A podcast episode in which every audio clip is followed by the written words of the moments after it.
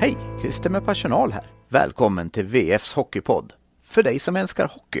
Det blir snabba puckar, heta nyheter och proffsig leverans. Ungefär som på ICA Maxis nätbutik på Bergvik.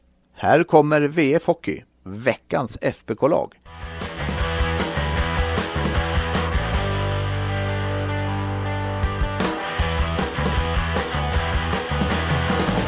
Ny hemmaförlust. Tappad serieledning. Och det var faktiskt nästan lite kriskänsla i Färjestad. Thomas Wittell tog ton. Han satt assistkungen på bänken och fick exakt den respons han önskade. Välkomna till VF Hockey, veckans FBK-lag och välkommen tillbaka till poddstudion föräldraledige Karl-Oskar Lysander. Stort tack. Du, hur, det- inget dregger på dig någonstans? Nej, jag har, tröjan kanske inte är helt, eh, helt och hållet ren. Du, eh, hur har du upplevt de senaste FBK-månaderna från soffan med en liten dotter kravlandes på magen? ja, det är ju svårt att helt och hållet eh, koppla bort jobbet men det är klart att eh, läggning och så vidare krockar med, med matcher och, och så vidare. Så jag har ju inte sett exakt allt även om jag såklart har hängt med i eran eh, excellenta rapportering. Ja, det är fint, fint sagt. Var, jag ställde den här frågan till Thomas Metell i fredags. Jag tänkte du ska få den också. Var står Färjestad nu? Ja, hade du frågat mig innan i, i lördags här så hade nog frågetecknet varit större för det, då såg ju faktiskt eh, några av spelarna ut lite som frågetecken också att de inte riktigt visste åt vilket håll de var på väg. Men i lördags får man väl ändå säga att Mittell tog ett kliv tillbaka till det Färjestad som vi kanske framförallt eh, har sett när de har varit som bäst. Eh, lite rakare spel, eh, lite enklare och framförallt eh, ett stort engagemang på, på isen. Mm. Du, vi ska hoppa in på veckans lag och vi har ju bett er lyssnare och här var, eh, tack, tack verkligen för det här inspelet Sebastian Edvardsson. Han har ett förslag fall vi inte har tänkt på det. Jag tycker Brattström förtjänar att vara med i veckans lag. Blir det så eller? Så blir det. Ja. Eh, ja, Viktor Brattström får väl erkänna att man inte hade jättebra koll på honom efter åren i, i Nordamerika och det fanns ju en stor osäkerhetsfaktor när han kom hit. Eh, nu, är ju, nu har du förvisso, det är det tre matcher han har spelat. Ehm, inte så jättemånga matcher men han har ju trots allt visat att det är en, en bra målvakt och det som imponerat på mig mest är att han spelar med ett självförtroende när man kunde tänka att det kanske borde ha varit det han framförallt saknade. Men, men självförtroende tycker jag syns där och det har nog Färjestad jobbat en hel del med de här veckorna han har varit här. Ja, alltså han, eh, det är ju en sak att göra de här stora räddningarna. eh, Som han ju faktiskt har gjort ganska många. Det har ju stuckit ut några i varje match. Några liksom nu senast mot Rögle. Den här plocken på Adam Tambellini. Även om han faktiskt erkände efteråt att han såg aldrig pucken. Han bara fladdrade till. Men sådana såna räddningar gör ju en målvakt som kommer till zonen. Men eh, även liksom i det här. Jag tycker ofta man brukar kunna se på en målvakt som inte är i form och inte har självförtroende att han släpper returer framförallt. Att, eh, men han ser trygg ut. Det känns lugnt och stabilt liksom och, och det hade jag inte förväntat mig.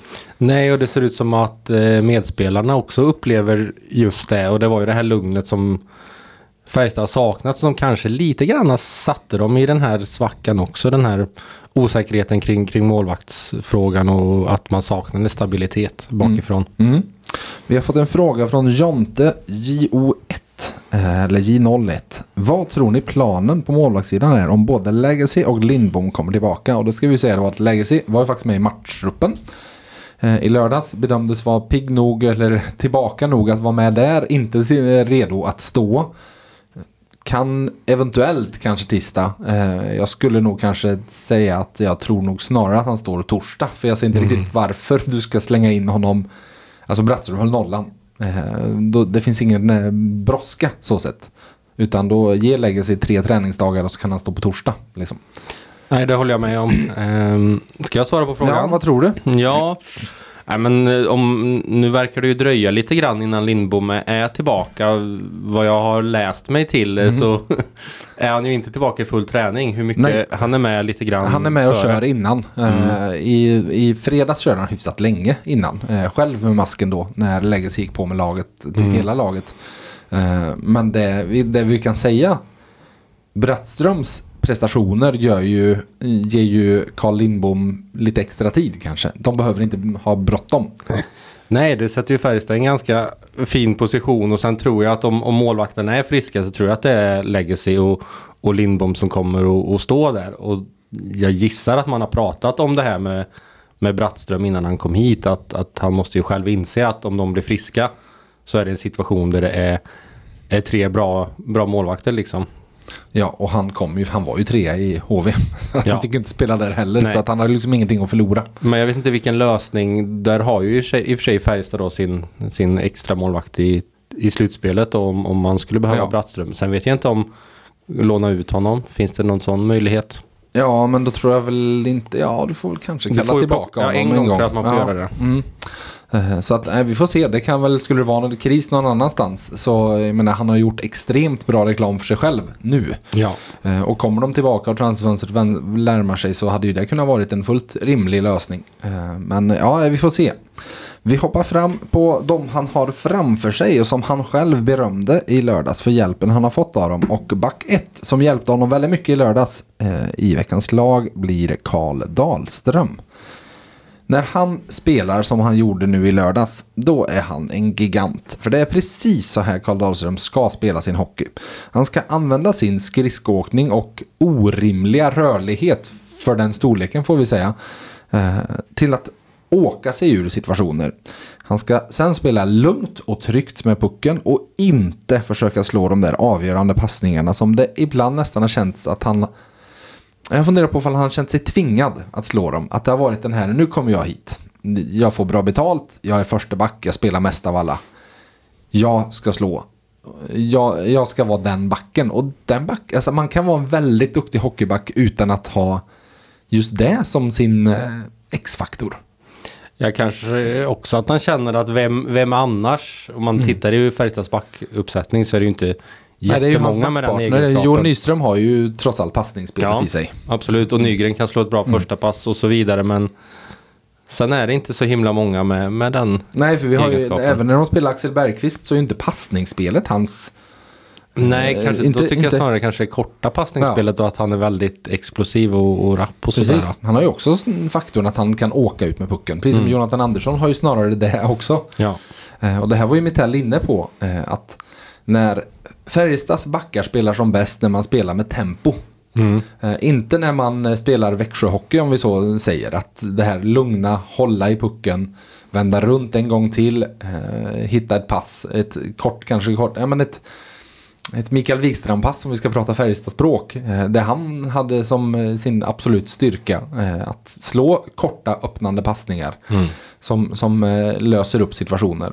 Det har de inte. Det är inte den backuppsättningen de har. Det här pratar vi inte heller om på ett öppet och ärligt sätt. Jag ska säga om ni inte har läst intervjun så. Han sa mycket intressant i fredags. Han, var, han var sugen på att prata och han, han var ärlig i det han sa. Och det var en av grejerna. Ehm, Där, eh, där han pratar just om det som krävs. Ehm, Men du, vi hoppar fram och tar nästa back. Vem blir det där? Mm. Jeremy Grolow. Mm. Han är ju ganska unik i, i Färjestads backuppsättning och det är väl lite grann hans, eh, ska man, man ska kalla det liksom chans till att få en lite större roll framöver här. Att han just är unik när det kommer till det fysiska spelet. Eh, han är bra på det, eh, jobbig för motståndarna och jag tycker att han har varit ganska bra sedan han kom tillbaka från sin skada. Man ska ju komma ihåg att det är en sak att ta emot tacklingar men det gör också ganska ont och kostar på att spela på det sättet också. Ehm, så frågan är om han orkar och klarar av att hålla upp det spelet eh, resten av säsongen. Hur gammal är han? 27? Mm, vet du, det här, man, man tänker ju det. Han är Ja. 24. Ja just det, just det. Ja, han är yngre. jag, det här, jag, eh, exakt den där tanken du hade nu slog mig typ för en, två veckor sedan. När jag bara, ja, men just han är ju bara 24. Det, det känns ju inte som Nej. det. Han känns ju som en 28-29-åring liksom. Typ. Så ganska ny på seniornivå får man väl ändå säga. Ja men absolut. Mm. Och det var ju det här. Det här pratade jag om i somras. Man glömmer bort vad man pratade om då. Men just att han stack ju ut lite ur en transatlantperspektivet. Att han kom över så pass ung. Ja. Att det fortfarande är en som det känns som faktiskt finns potential att utveckla. Eh, Så sett. Så, Mm. ja, nej, eh, väl värd en plats. Och väl värd en plats i veckans lag är även forward nummer ett. Som är Patrik Lund. För i ett FBK där i princip allt var blekt i eh, torsdags mot Skellefteå så var ju Patrik Lund den som stack ut. Eh, han skapade en hel del, han var pigg eh, och så vidare. Sen är det på tal om en ärlig Thomas Mitell. det var en grej som, inte, som vi pratade om som inte kom med i texten. Det här faktumet att det är ju bra att Patrik Lund sticker ut, men man kan ju även se det åt ett annat håll. Och det var Mittell också ärlig med att det säger ju en del om de andras prestation. För att han, är alla på topp så är ju inte han den som ska sticka ut. Nej. Men eh, han, da, han var inte dålig mot Skellefteå så därmed så spelar han sig in i veckans lag eh, på grund av det. Jag säger så här, Patrik Lund förlänga eller inte? Vilken fot lutar du på? Från att ha varit att man nog skulle gå vidare utan Patrik Lund så kanske jag lutar lite mer åt man, att, eh, att han ska stanna. Eh, där man får lägga i andra vågskålen är vem står han i vägen för i så fall lite grann känner jag. Eh, kommer han stå i vägen för någon yngre spelare som, som man tror lite mer på om en eller två säsonger då kanske man inte ska förlänga. Samtidigt så gör han ju ett gott jobb och kostar lite pengar och betyder en hel del för laget och gör ju uppenbarligen det han är bra på eh, på en hög nivå fortfarande. Jag säger så här, så länge benen går då kan han få vara kvar. Och Ja. det gör de fortfarande. Ja. Nu är den här. Kia EV9 är en helt elektrifierad SUV med ultrasnabb laddning, oslagbar komfort upp till sju sittplatser och en räckvidd på upp till 505 kilometer. Kia EV9 öppnar en värld av möjligheter. Kia, movement that inspires. Vafa bil, din bilaffär och A-bilar i Arvika. Vem har vi som forward nummer två? Eh, Som forward nummer två har vi Joel Kjellman. Eh, han tog ju Thomas Metell på orden där skulle jag säga. Var det inte Metell sa att man ska gå in och köra lite grann? Ja, för det var ju när, samtidigt som han var lite eh, kritisk mot backar för hur han sa så här, vi kan inte backarna kan inte tro att man kan stå från egen blå och slå långa passningar till en forward som blir två mot fyra där uppe. Så sa han, men vi har en dyr forwardsuppsättning. De Precis. ska faktiskt kunna göra något med pucken också. Ja. Även om de hamnar i svåra Och lägen. han tog väl Liam Ögren lite som ett exempel där som... eh, som faktiskt försökte. Ja, och som gjorde, tog egna initiativ. Och det gjorde ju Joel Kjellman får man säga vid första målet. Och visade vägen lite grann med både skicklighet och, och vilja när han satte den pucken i målet. Ja, eh, jag tycker också att han stack ut i lördag som, eh, som en av de bättre. Eh, och du var inne på Liam Ögren och det blir faktiskt han som tar den tredje platsen i veckans lag. Och lite samma som Patrik Lund. Det var många som diskvalificerade sig eh, för att ta plats i veckans lag den här gången i torsdagsmatchen mot Skellefteå. Eh, Ögren var kanske inte superbra men han var i alla fall okej i den matchen. Och sen får jag väl pudla då. Jag pratade ju i förra podden om att plus och minus med Ögren och sa att minus kanske är passningsspelet. Att det känns som att han ganska ofta kör själv. Snarare än kombinera med andra. Nu hade han ju en assist i veckan där han la upp den på silverfat till Joel Nyström där i powerplay. Så att, ja, klart det finns passningsspel i honom också. Du, vi ska lämna, eller inte lämna över, men vi ska gå vidare till eh, frågetecknet. Och där ska du få en fråga. Passande nog. Hur många tacklingar tror du Karl Dahlström, Joel Nyström och Mattias Göransson står noterade för totalt efter två tredjedelar av säsongen? Alla de tre tillsammans. Mm. Sen i höstas. Alltså det är hela säsongen. Under, det har ju gått precis två tredjedelar av säsongen nu. Så hur många tacklingar tillsammans? Nio tacklingar. Ja, du, du har läst på. Åtta. Ja.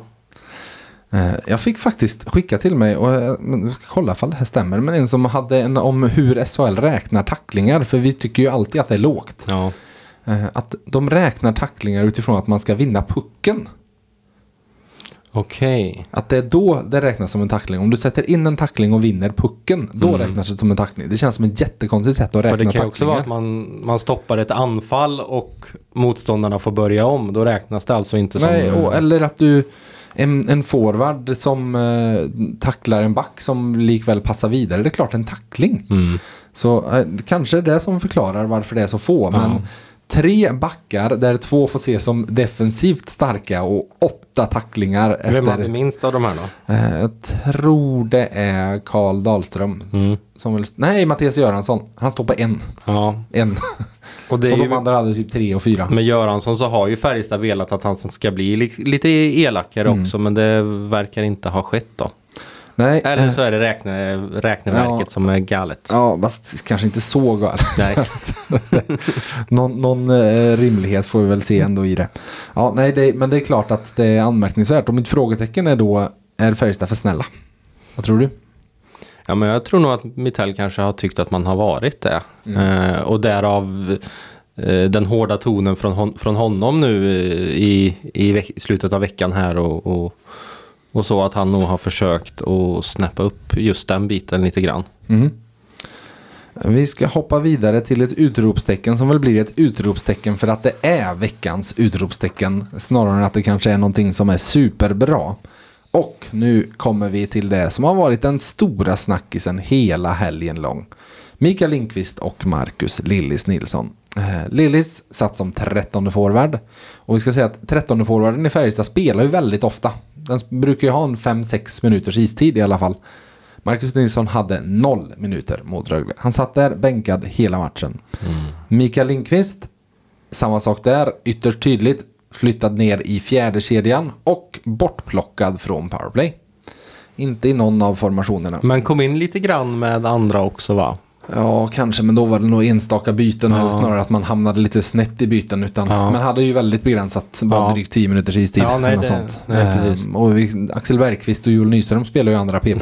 till exempel. Att man Ja. valde, och Marcus Westfält och Liam Ögren och Joakim Nygård, det var andra PP. Så att eh, markering på alla sätt och vis. Eh, jag tittar lite på, på statistiken. På Färjestads senaste matcher. Mikael Lindqvist har spelat 13 av dem. Noll mål, två assist. Sex mål framåt, 13 bakåt. Så minus 7 där. Lillis, mm. han har spelat alla de där 15. Och här är ju lite grejen. Han har gjort 11 poäng på senaste 15 matcherna. Men han har varit inne på 8 mål framåt i spel med lika många eh, spelare på banan. Och 15 bakåt. Så tittar vi bakåt senaste 15 matcherna, då är det typ senaste två månaderna. Då är det Lillis och Lindqvist som varit inne på flest mål bakåt. Tomasek är den som är närmast, men han har gjort under samma, poäng, eller samma period 17 poäng på 15 matcher, varav 10 mål. Han är dessutom plus ett, så att han har ju liksom... Kommer undan lite grann. Hans vågskål väger ändå Mm. över till det positiva för att han är inne på så mycket framåt. Ja. Eh, Men de andra är ju minus sju under den här perioden. Så ja, vad, hur reagerade du när nyheten kom på lördagen där att Lillis var petad? Det kändes som att det kom, det kom, tajmingen på det var lite oväntad tror jag. Mm. För att eh, han har ju som sagt kommit från en ganska bra period. Nu, nu har du ju tittat bakåt här eh, en hel del matcher men har det sett ännu bättre ut? Ja, men jag, ty- tittar eh, jag tycker han har närmare? varit mer och mer gedigen i spelet. Ja, där eh, har han ju utvecklats en Ja. hel del och det är väl framförallt där som det som Mitell har tryckt på. Mm. Eh, samtidigt så den här, de här siffrorna du tog fram nu det är, det är säkert de som Mitell har tryckt upp i ansiktet på, på de här två att titta, titta hur det ser ut bakåt. Mm. Eh, Ja, nej, men på alla sätt och vis. Eh, så eh, det med, jag- vi ska, jag ska läsa upp ett citat eh, med, med Thomas Mittell. För vi frågade honom såklart efter lördagsmatchen. Eh, om varför. Eh, och då, då kom varför det var Lilly som 13 och Lindqvist ner. Han sa så här. Jag tycker vi har svajat ganska länge. På något sätt kom man till en punkt där. Nu har jag varnat och skällt tillräckligt många gånger. Ibland behöver, behöver det man vill få fram visas med istid. Och det är inte bara Lillis och Göransson det handlar om. För Mattias Göransson petades ju och sattes på läktaren. Utan hela laget behöver igång. När vi spelar som idag känns vi väldigt bra. Visst, vi kommer förlora någon match ändå ibland. Men när vi spelar som idag är vi bra och svårslagna. Vi behövde en reaktion. Och på elitnivå är det tufft. Man bygger upp ett visst förtroende hos tränarna över tid och ibland behöver det hända något. Så frågar jag ifall han, han menade menar att det här var som ett statement till hela laget ändå att faktiskt sätta SHLs assistkung på, på bänken. Absolut, för det är inte bara Lilly som varit mindre bra. En del är produktion, en annan är att jobba hårt och skapa momentum till hela laget. Idag kändes det mer som att vi var en lagmaskin oavsett. Vi, behövde, vi bedömde att något behövde hända. Det här var den vägen vi valde. Nu gjorde vi så, så får vi se hur det blir framöver. Vi har byggt ett brett lag för att ha konkurrens. Vi såg på backsidan i höstas att bara för att man är utanför laget en match så betyder inte det att man är frysboxen resten av säsongen. nej.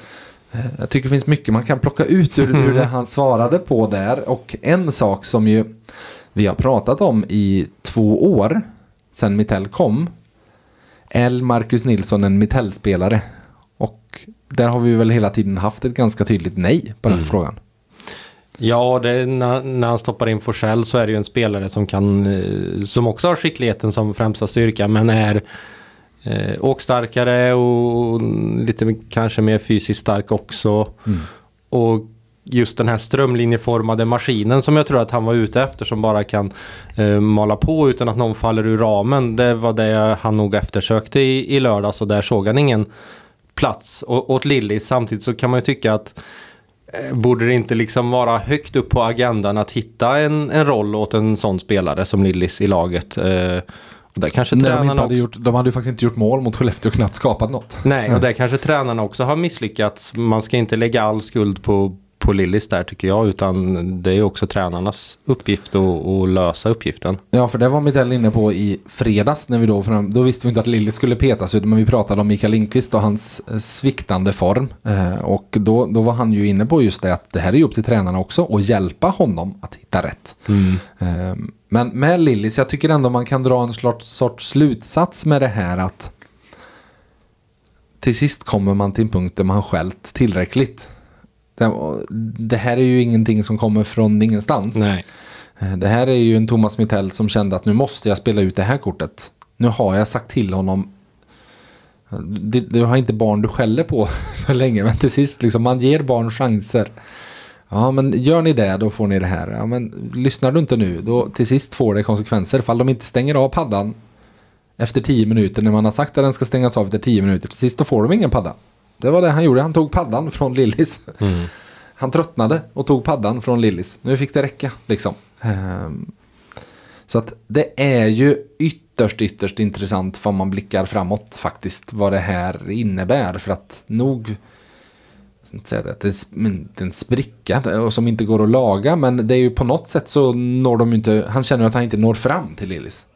Nej, och det är klart att det här kan få effekter för framtiden. Vad tänker Lillis? Hur har han tagit det här innerst inne? Det vet Ja, för Thomas han bara tränar ju. Färjestad nästa år också. Det är Ja. det vi vet liksom. Ja, Och nu, ja men för varje år så går det ju forma ett mer och mer Mittellskt lag. tycker Lillis att det är kul att spela den här typen av hockey? Det är också en, Mm. fråga värd att ställa. Jag, frå- jag pratade, det är ju lite lustigt med allt det här för att som sagt vi gjorde ju vår FBK-barometer i, för, ja ni svarade i torsdags och vi presenterade den på lördag morgon.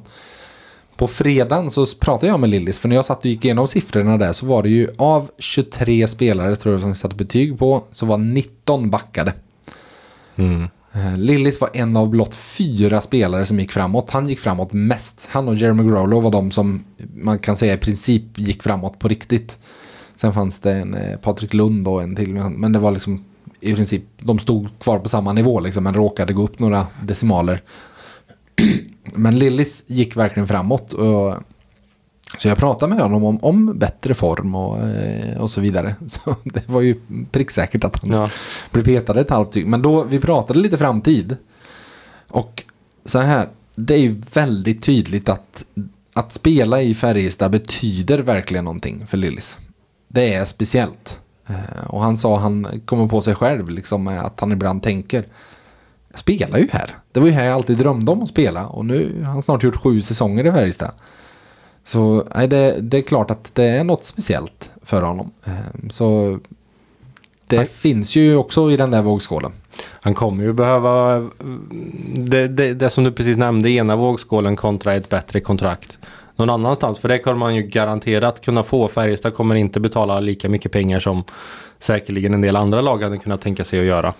Nej, det är ju så. Eh, Marcus Rivera har skickat en fråga just på ämnet och du kan väl få svara då. Ska Färjestad verkligen förlänga med Lillis? Visst, han gör sina poäng, men är det värt det? Han är så långt efter i mycket annat, skriver Marcus. Eh, mitt svar är ja. Eh, om man ska se det ur ett större perspektiv så det måste finnas plats för, för lirare som honom i ett lag. Eh, sen är det snarare kanske frågan hur man ska använda honom. Eh, kan man använda honom ännu mer i, i sätta honom i en ännu tydligare roll att, och, än, än vad han har nu. Eh, då skulle istiden nog sjunka ytterligare en del eh, beroende på hur mycket powerplay det blir.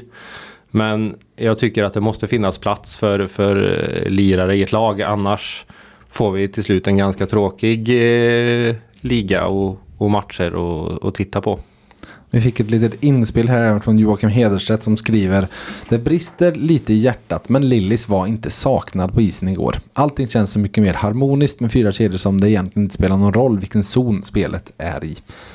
Nej, det är ju det Mitell är ute efter eh, och den effekten han också fick. Mycket spännande att se var det tar vägen. Eh, Ett, en sista, sista liten poäng. Eh, I mina ögon så kan Marcus Nilsson spela i tre formationer i Färjestad. I första, andra eller tredje. Nej, egentligen inte. I två skulle jag säga för att jag tycker inte han ska vara i en första. Eh, Men i andra eller tredje. Du kan inte ha honom i en fjärde. Så jag tror att det var en anledning till att han hamnade utanför. Att, ja men nej okej, vi tänker inte ha honom i andra och tredje. Fjärde, där kommer han inte vara. Utan då blev han extra av den anledningen. Ja. Det är måndag morgon när vi spelar in det här och jag ska alldeles strax eh, sticka ut till träningen och se vad som händer. Och vi gör väl så här att jag lämnar till mig själv helt enkelt. eh, Till ett eh, inspel bortifrån eh, träningen så vi ser vad som hände och hur snacket gick där. Så varsågod Johan, här kommer eh, ordet till dig. Hej! Hjälp oss på VF att hitta Värmlands idrottshjärtan, hjältarna bakom kulisserna. Vem är din förenings dolda hjälte? Nominera via länken i avsnittsbeskrivningen. So Max Legacy, from zero goalies to three goalies in practice. It's crowded out there. Yeah, yeah, definitely. The last couple of weeks uh, has been a lot of uh, in and out, uh, but uh, uh, it's good to finally uh, be back on the bench with the, the team, join the team for practice and stuff like that. And uh, uh, no, it's uh, it's great. I'm very happy right now. So how is everything with you? Good, very good. Obviously, uh, uh, I wouldn't be here if uh, everything didn't check out, but um, uh, I think uh, we did the proper. Uh, um, evaluations and stuff like that to get back in the, at the right time and I feel great been feeling good so I just need a couple more practice under my belt to you know get all the bearings right but no I'm happy to be back and join the team So talk to us about uh, the situation in Oskarshamn and the guy you got over you. Uh, what happened? Uh, I mean, it's, I guess uh, it happens, right? It's uh, it's part of hockey. Sometimes you know some some tough breaks. Uh, uh, this time it was uh, the tough break was on me, and uh, it uh, it sucks. Um, but like I said, we did the proper things to, to get back, and uh, uh, now I feel good. That's the important thing. What went through your mind the game after when you saw Carl walk out to the dressing room? Yeah, that's really tough. That was really tough to be honest to, to see him go down. Uh, I didn't know. I, actually, I was at uh, the hotel with the team at, at the time, and then I got back to the rink and I saw him uh, in the dressing room, and my uh, my heart dropped for, for sure. So uh, uh, no, it sucks, but uh, like I said, uh, I think I think the team has been fantastic the way they handled everything uh, for both of us, and you know they, we've been very fortunate. Everybody who came in did a w- good job, and Vic now is you know standing like a wall out there. So no, it's good. It gives us time to to get fully back, healthy, and um, you know build up from there. Yeah, what do you say about Victor Bratström's performance? I mean, he came from third goalie in Hove, didn't play at all, and now he's done three amazing games. Yeah, I mean third, two first. I mean I don't care. He's been unreal. You know, he's played uh, two, uh, three great, uh, solid performance for us. I thought he kept us uh, in both, uh, all three games, and uh, I think uh, the last game was obviously the peak of of the work he's been putting in. So it's it's good to see. I was happy for him, and you know, like I said, it, it really helps us ease, ease our minds a little bit because we're we're trying to get back. So no, it's it's good to see. I'm happy for him. It's great, great performance, and yeah. He's, he must be very happy. it was a big shout out. Där hade ni Max Legacy som alltså var tillbaka och körde och nu hade fått sällskap av Carl Lindbom. Även han tränade, eh, inte hela passet, han körde ungefär en kvart i början. Så vi kan väl eh, säga att Carl Lindbom är ungefär en vecka efter Legacy. Eh, det Legacy gjorde för en vecka sedan när han började stegra sig tillbaka efter sin skadeperiod, det gjorde Lindbom idag. Eh, så räkna inte med någon Lindbom på ett tag men väldigt positiva tecken för Färjestad ändå att han faktiskt är igång och tränar på det sättet. I övrigt på passet då? Jo, vi hade Marcus Lillis Nilsson ute på isen, men när det skulle bytas om och tränas PP, då satt han på bänken. Eh, precis som vi ska säga, Mikael Lindqvist även nu var inte i någon PP-formation och inte heller Linus Johansson har inte varit i någon PP-formation från och med i lördags och framåt. Eh, sägas ska dock att Lindqvist och Johansson de tränar i boxplay. De var ute som två boxplay-forwards. Lillis satt under hela PP-övningen fastnitad på bänken. När man sen tränade 5 mot 5 då var det Marcus Westfält, Patrik Lund och Mikael Lindqvist i fjärde men där roterades Marcus Lillis Nilsson in. Vad han känner om det här då? Ja, den som lever får se eller någonting. Vi, vi vet inte nu. För att när han gick av isen så sa han bara kort och gott nej, jag vill inte prata. Så han hade ingenting att säga så att vi förstår ju att det är en, eh, ja, jag vill inte säga vad han kände helt enkelt. Vilket man ju får respektera. Eh, I övrigt så var det ungefär det som var från passet. Eh, träning på powerplay en hel del en hel del uppspel och så vidare. Eh, och Timrå som väntar imorgon. Så med det sagt, eh, då lämnar väl jag ljudet tillbaka till eh, mig själv och Karl-Oskar i poddstudion.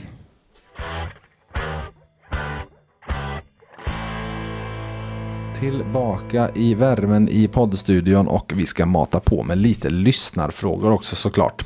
Hocke skriver. Vem tror ni ligger närmast att sitta på bänken nästa match med alla tillgängliga bland forwards?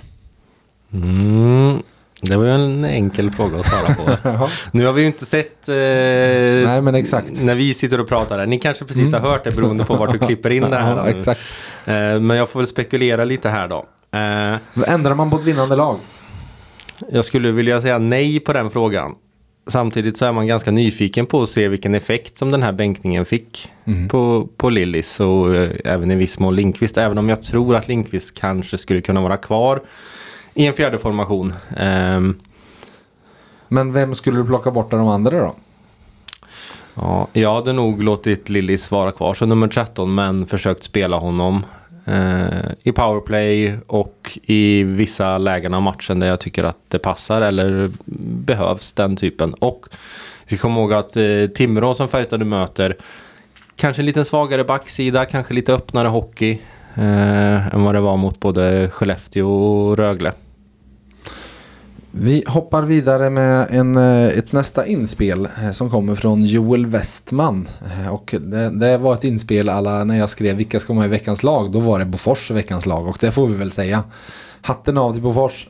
Sex raka segrar. De har klättrat och är, bottenstrid behöver de inte bry sig i längre.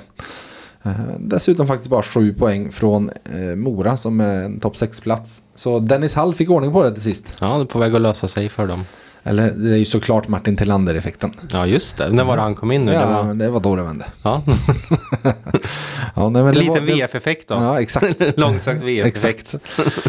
Tillander är en sann VF-vän. Uh, nej, men eh, det var ju, det var, alltså, man reagerar ju ändå att det var det de gjorde, att det var att byta en assisterande tränare. Mm. Men visst, det, de hade ju eh, Johan Schultz där som var kvar eh, från tidigare regimen om man säger så. Eh, på ett sätt så kanske det var ett måste. Att det kanske inte gick att den, jag menar Dennis Hall skulle komma in som ny huvudtränare men det fanns kvar en assisterande som, mm. eh, det, det, kan ju bli en krock liksom. Ja, en ny röst och en ganska lättsam person som jag gissar att killarna i laget tycker är ganska trevlig att ha där. Tävlingsmänniska ja, det också. Största av alla. Du, har vi någon eh, mer fråga? Ja, Eh, då tar jag en till dig här från eh, Mikael Sandberg. Uh, har svajig prestation senaste veckorna hängt ihop med hårdare träning? Mm. Uh, jag gjorde så här att jag ställde frågan till de två lite just idag sjuka kollegorna Simon Hennix och uh, Jonas Griberg. Att vi alla vi delar ju på mm, träningsbevakandet mm. så de har ju också varit där. Eh, min känsla var, nej, det vet tusan. Eh, och Griberg eh, pratade också om det, att nej, så hårt har det inte varit, tyckte inte han. Däremot så att de tränar hårt under landslagsbreaket. Simon också. Att också Nia som svar, snarare att Mittell tryckt på olika detaljer. Att han nu fått fila på i träning och så vidare. Så jag skulle inte säga att det har varit någon så här sinnessjuk hårdkörning. Att de har liksom haft bagskate på slutet av varenda pass och så vidare.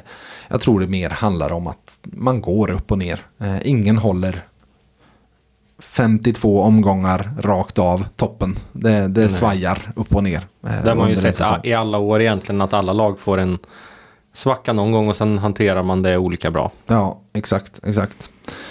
Du, jag ska även, eh, när vi var inne på allsvenskan förut så måste jag ju nämna och vi har pratat mycket om målvakter de senaste veckorna. eh, Och eh, lägst insläppta mål per match och sjätte bästa räddningsprocent i allsvenskan är faktiskt Damian Klara.